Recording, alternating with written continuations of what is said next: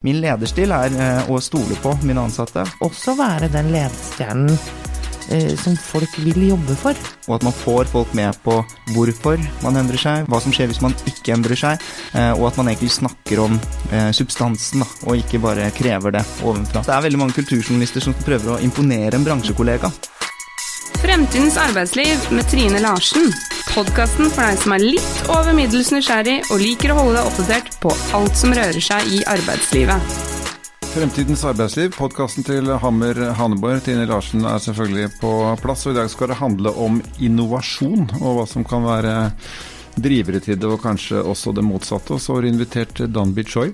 Han Hallo. er jo hallo, ja. Han er enehersker i sitt subjekt, uh, hans tidsskrift. Uh, hva tenker du, uh, Danby? Er det en fordel sånn altså med tanke på innovasjon og det å utvikle, da, er det en fordel å være aleine om å ta beslutningene?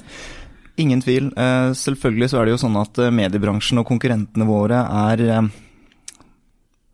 Altså Det er bra å ha stordriftsfordelene som noen av eh, våre gigantiske konkurrenter har. Vi er en bitte liten bedrift med tolv ansatte, og eh, vi får til ganske mye som eh, Og én sjef. Og én sjef. Ja. Ja. jeg har noen dyktige mellomledere under meg, da, debattredaktør og nyhetsredaktør, som også er veldig dyktige folk. Men, men, men det, det føles litt ensomt, ja. Ikke minst fordi at vi opererer i en medieflora hvor eh, 81 av mediene er eid av et konsern. De tre største, av media Polaris og Skipsted, eier 70, over 70% av avisopplaget alene. Og det er helt klart at de får noen stordriftsfordeler. Eh, vi er jo derimot eh, små og til gjengjeld smidige, da. Mm. som gjør at vi får eh, til å endre organisasjonen fort, hvis vi vil det. Eh, og det er jo også vår eh, vekst. Subjektet Subjekt er jo landets eh, raskest voksende avis, to målinger på rad. Eh, den veksten blir mulig også av at vi er så smidige i forhold til de store, da. Er det noe du kjenner igjen, Trine? At eh, små organisasjoner er eh, kjappere sånn sett? De har mindre slagkraft, men det, men det går raskere å snu seg? Ja, absolutt. For noen år siden så var det jo veldig trendy for de store konsernene å flørte rundt og henge rundt med små startups, og man trodde jo at det var fordi de var så veldig hyggelige. Ja. Eh, Jeg er ganske overbevist om at det var for å lære av den smidigheten og hurtighetene som eh, mindre organisasjoner evner bedre. De har ikke med seg så mye historikk, de har ikke med seg så mye politikk, de har ikke med seg så mye eh, som sinker endringstakten, og det er helt kritisk eh, i det arbeidslivet eller næringslivet vi lever i i dag. Å kunne snu seg utrolig raskt og kunne ta raske beslutninger. Men, men eh, Danby, hva, hva, hva tror du det kommer av? Hver gang man snakker om endring og innovasjon som henger veldig sammen, eh, så er det alltid noen som ikke vil. Altså, det er en eller annen slags iboende menneskelig motstand mot å gjøre noe annet i dag enn det jeg gjorde i går. Ja, og det er jo et uh, veldig vanskelig fag i seg selv å få med folk på endringer osv. Men eh, det er viktig at man gjør det, tenker jeg, liksom på toppen.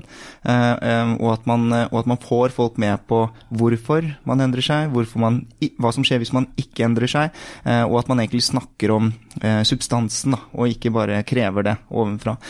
Og det er noe som er veldig fordelaktig i vår eh, bedrift eh, som subjekt der. Jeg omtaler det veldig sjelden som selskap eller bedrift eller næring eller gründervirksomhet. Det er, det er ideologisk motivert nærmest, eller journalister har mye hjerte, mye samvittighet, og, og denne gjengen eh, snakker et helt annet språk enn eh, typiske gründervirksomheter hvor, hvor man kan vise til resultatmål eller eh, regnskap eller et Excel-ark som viser hvorfor man må gjøre som man gjør. Da. Mm.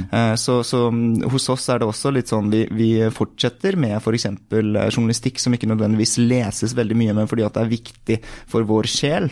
Eh, Og i et sånt landskap så er det hele tiden viktig at man snakker på det samme språket til, eh, eh, til våre journalister. Men så er vi også ikke, sant, ikke bare en redaksjon, men også en salgsavdeling som, som kommuniserer litt annerledes. Og, og mm, som man snakker litt annerledes til. Så det, det er viktig. Det gjør det jo også fordelaktig å være små, eh, fordi at man, man, man ser alle. Eh, man vet hvordan man skal snakke ulikt til eh, forskjellige ansatte. Da. Men det viktigste er egentlig at man, at man endrer på innstillingen først, tror jeg. Fordi, eh, fordi at dette med handlingen etterpå, det kommer av seg selv så lenge man forstår hvor, forstår hva egentlig målet er, og hvilken innstilling selskapet har, så er vi jo veldig verdibaserte. Da. Vi er for åpenhet, eh, toleranse for ulike meninger, eh, og, og for friheten. Men hva tenker du om vekst, da? Altså i og med at du Ja. har det veldig fint som liten, så eh, hvis man har suksess, så blir det fort stort, da. Ja, eh, og jeg eh, gleder meg jo til det, men jeg har kjent litt på voksesmerter også. I fjor så vokste vi fra seks til tolv, og det var også det var, altså det var man trodde kanskje også at sjefen fikk mindre å gjøre hvis man ansatte folk. Det var kanskje den største skuffelsen. Men, men det er også veldig gøy, da.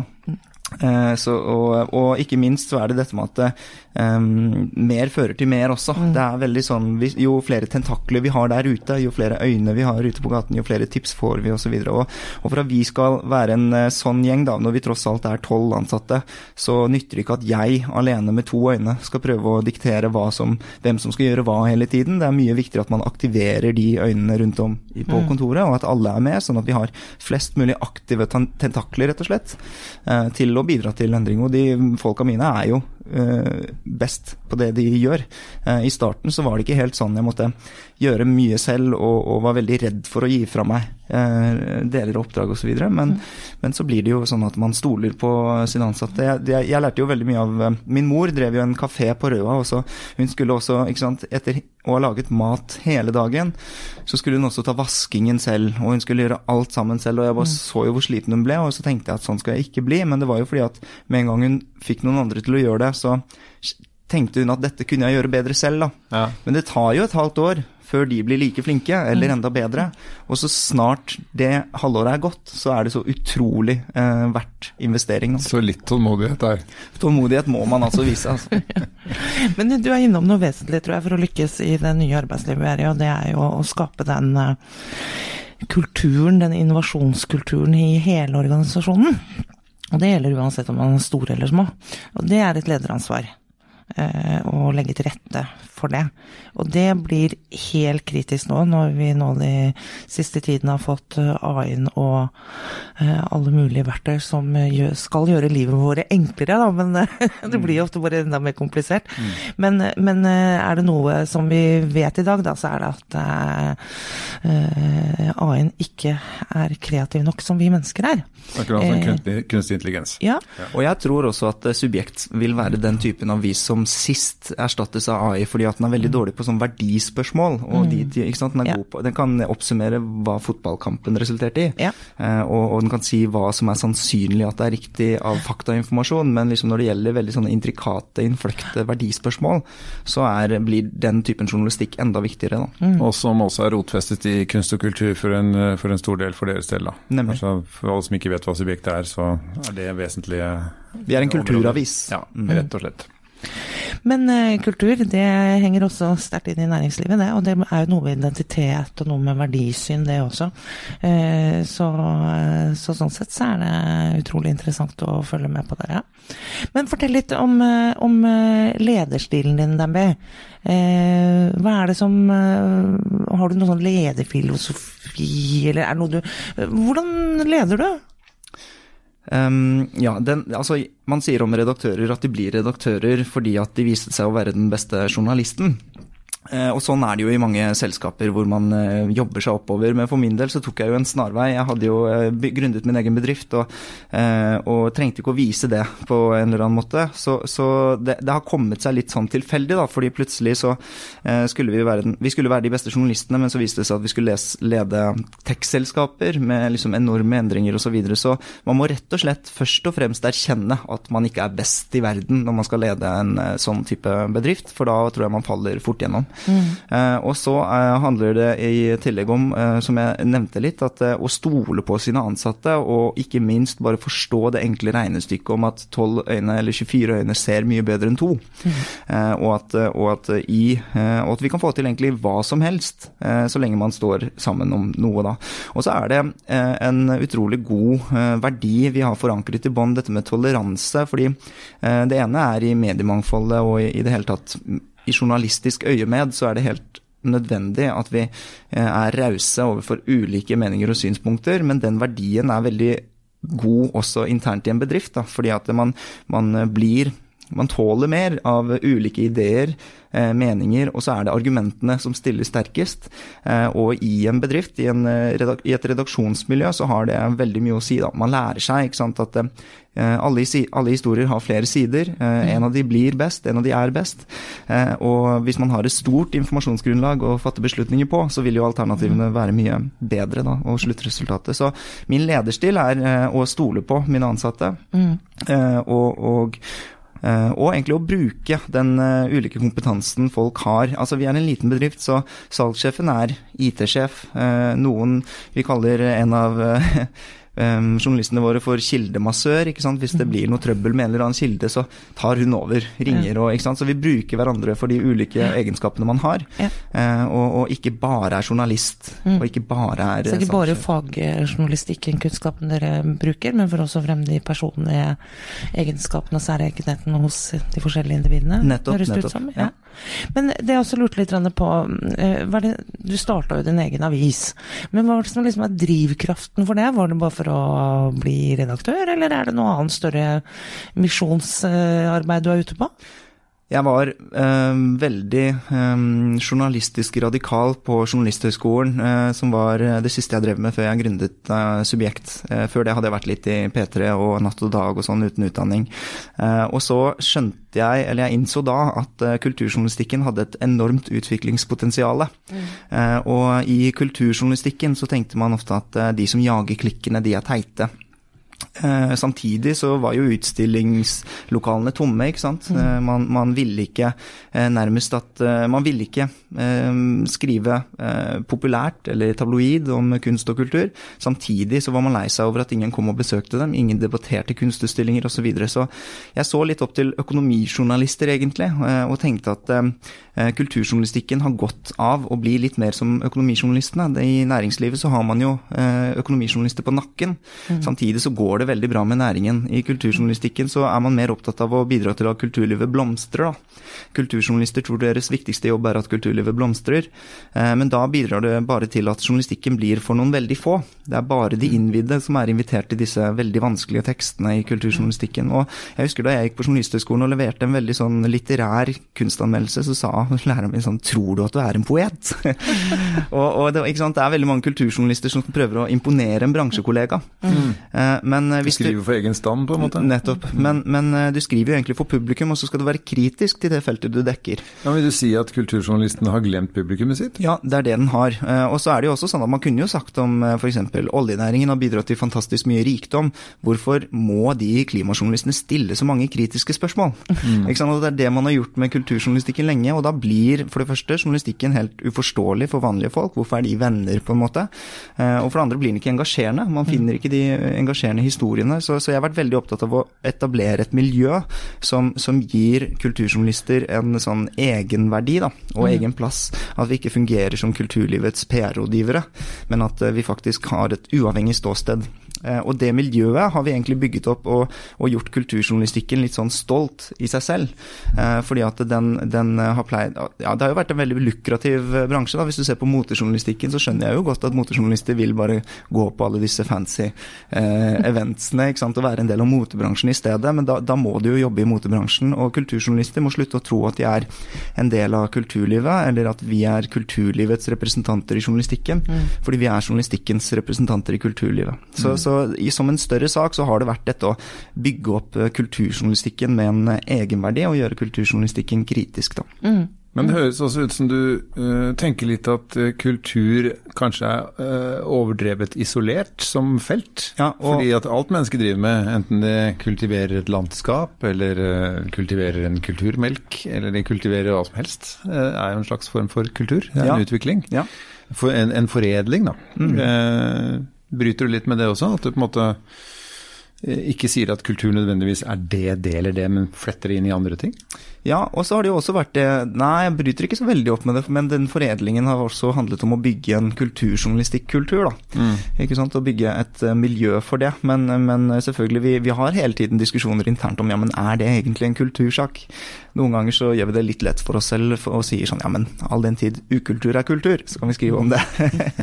men du innoverer da egentlig også hele kultursektoren, da. Mm. Mm. Eh, og også kanskje samtidig journalistikken? Ja, kulturjournalistikken eh, har i hvert fall eh, blitt nokså innovert. Og det er, eh, en, det er ikke en hemmelighet, egentlig, fordi eh, kulturredaktøren i Aftenposten f.eks. nevner oss ofte eh, i den sammenheng. Og når, når subjekt blir nevnt, så, så, blir det også nevnt i lys av at vi har endret kulturjournalistikken på en eller annen måte. Vi har gjort den mer kritisk.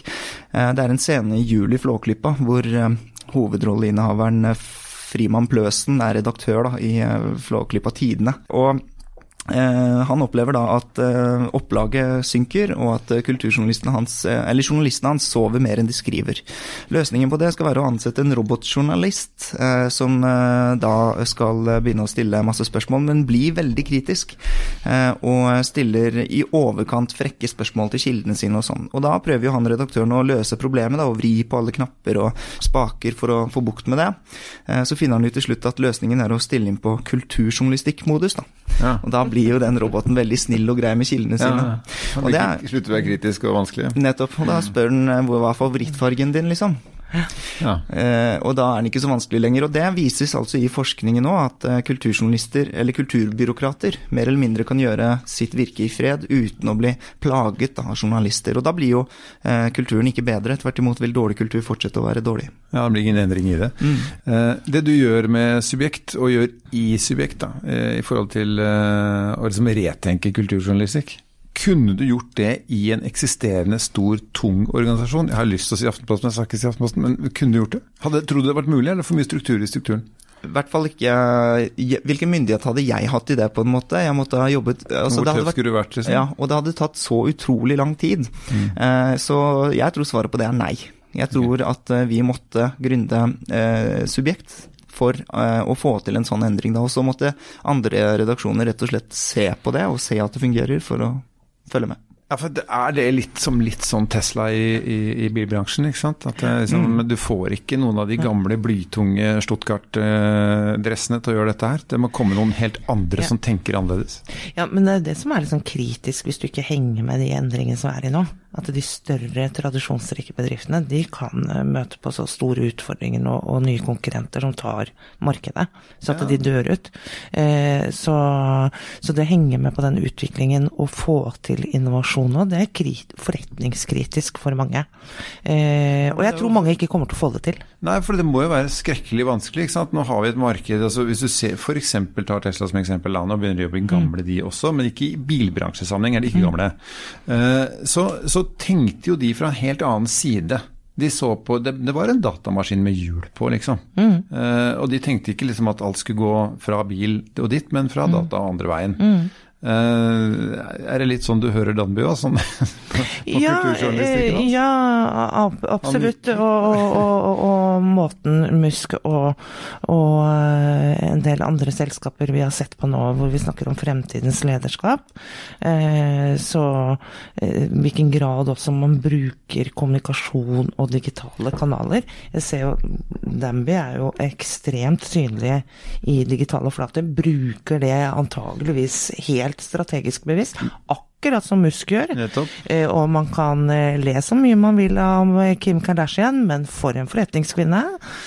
Og det er noen nye måter her som er helt nytt å lede på. Men går det an hvis ikke du er eh, som Danby, altså eh, kongen i butikken sin? Altså sånn som Musk er i, i, i, i Tesla? Fordi du vil, jo, du vil, jo, bli utsatt for kritikk, ikke sant. Du vil ha et styre der, du vil ha, du har mennesker som syns du gjør feil, og som mm. motsetter seg det du gjør. Og så jeg bare tenker mm. på at modellen, da, kanskje dessverre for en demokrat, funker. Ja. Tja, det er i hvert fall komplekst, da, men jeg må jo si at Danby har lykkes. Og jeg syns det er interessant å snakke litt videre også om lederrollen hans og hvilket perspektiv han tar. For det jeg hører når du snakker nå, det er jo at eh, det er jo ikke bare det å bygge opp subjekt til å bli eh, vellykket eh, du ønsker. Og det er det vi snakker om i Hamra Hamburg med fremtidens lederskap med statsmannskap, kaller man det. Mm. Uh, og kanskje det viktigste definisjonen på det, det er jo å ville være med å skape en endring i verden. Se på seg selv som en del av noe større som beveger beveger seg. Ja. Eh, og det er den nye lederrollen, eh, og den har vel aldri vært mer krevende. Eh, og det da også å ha med seg historie og et engasjement eh, og en innovasjonskraft da, inn i, i det ekstreme skiftet vi er i nå, det, det er krevende, men utrolig spennende å, å se på. Men det krever en ydmykhet òg, da. Ja, det krever absolutt en ydmykhet, og det er jo litt det Danby også er inne på. Det å erkjenne tidlig at 24 øyne ser bedre enn to. Mm. Det å vise tillit til de ansatte. Det å ha med seg et verdigrunnlag, men også å, å makse ut potensialet av de personlige egenskapene som er forskjellige. Selv om nesten alle hos deg, enten så er de selgere eller så er de journalister, men uh, de har også et sett med personlige egenskaper som du får fram det unike i å ha, ha tilliten i det, men at dere har en, grunn, en grunnvisjon og ønske og åpenhet i fellesskap, da. Mm. Uh, og det å være ydmyk overfor at uh, andre er bedre enn deg på en del områder. Men det er også å være den ledestjernen som folk vil jobbe for. Mm. Så at folk som er flinkere enn Danby på f.eks. IT eller salg eh, eller grafisk design, eh, de har lyst til å jobbe for Danby fordi de har lyst til å være med på en endring i et større bilde. Mm. Jeg, eh, altså jeg, jeg, blir utsendt for å vinne debatter eller noe sånt, men hvis det er pragmatikk, hvis det er en partner som er misfornøyd eller et eller annet sånt, så sender vi altså en helt annen person, fordi at de har en helt annen egenskap til den typen forhandlinger osv.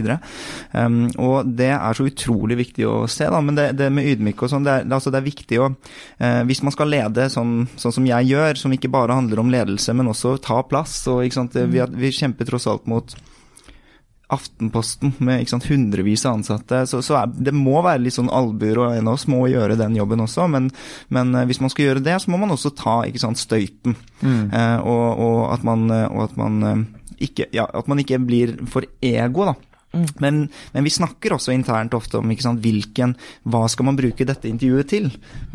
man, sant, Nå har vi en plattform og sant, at man snakker om disse tingene, og at man husker hele tiden hva, hva subjektsprosjekt er, og, og, også i et større bilde. Vi er en liberal kulturavis, vi snakker om frihet og ytringsfrihet, og at, det, eh, og at disse temaene også alltid er med. Da, og da, da, så lenge vi kjemper for en større sak, som alle eh, på kontoret også har som verdigrunnlag, mm. eh, så, så er det en seier hver gang gang ikke bare meg, men andre er, er der ute og kjemper for den saken. Så jeg kjenner meg veldig igjen i det statsmannskap-prosjektet. Um, altså. Så du er en del av en større endring. Mm. Mm.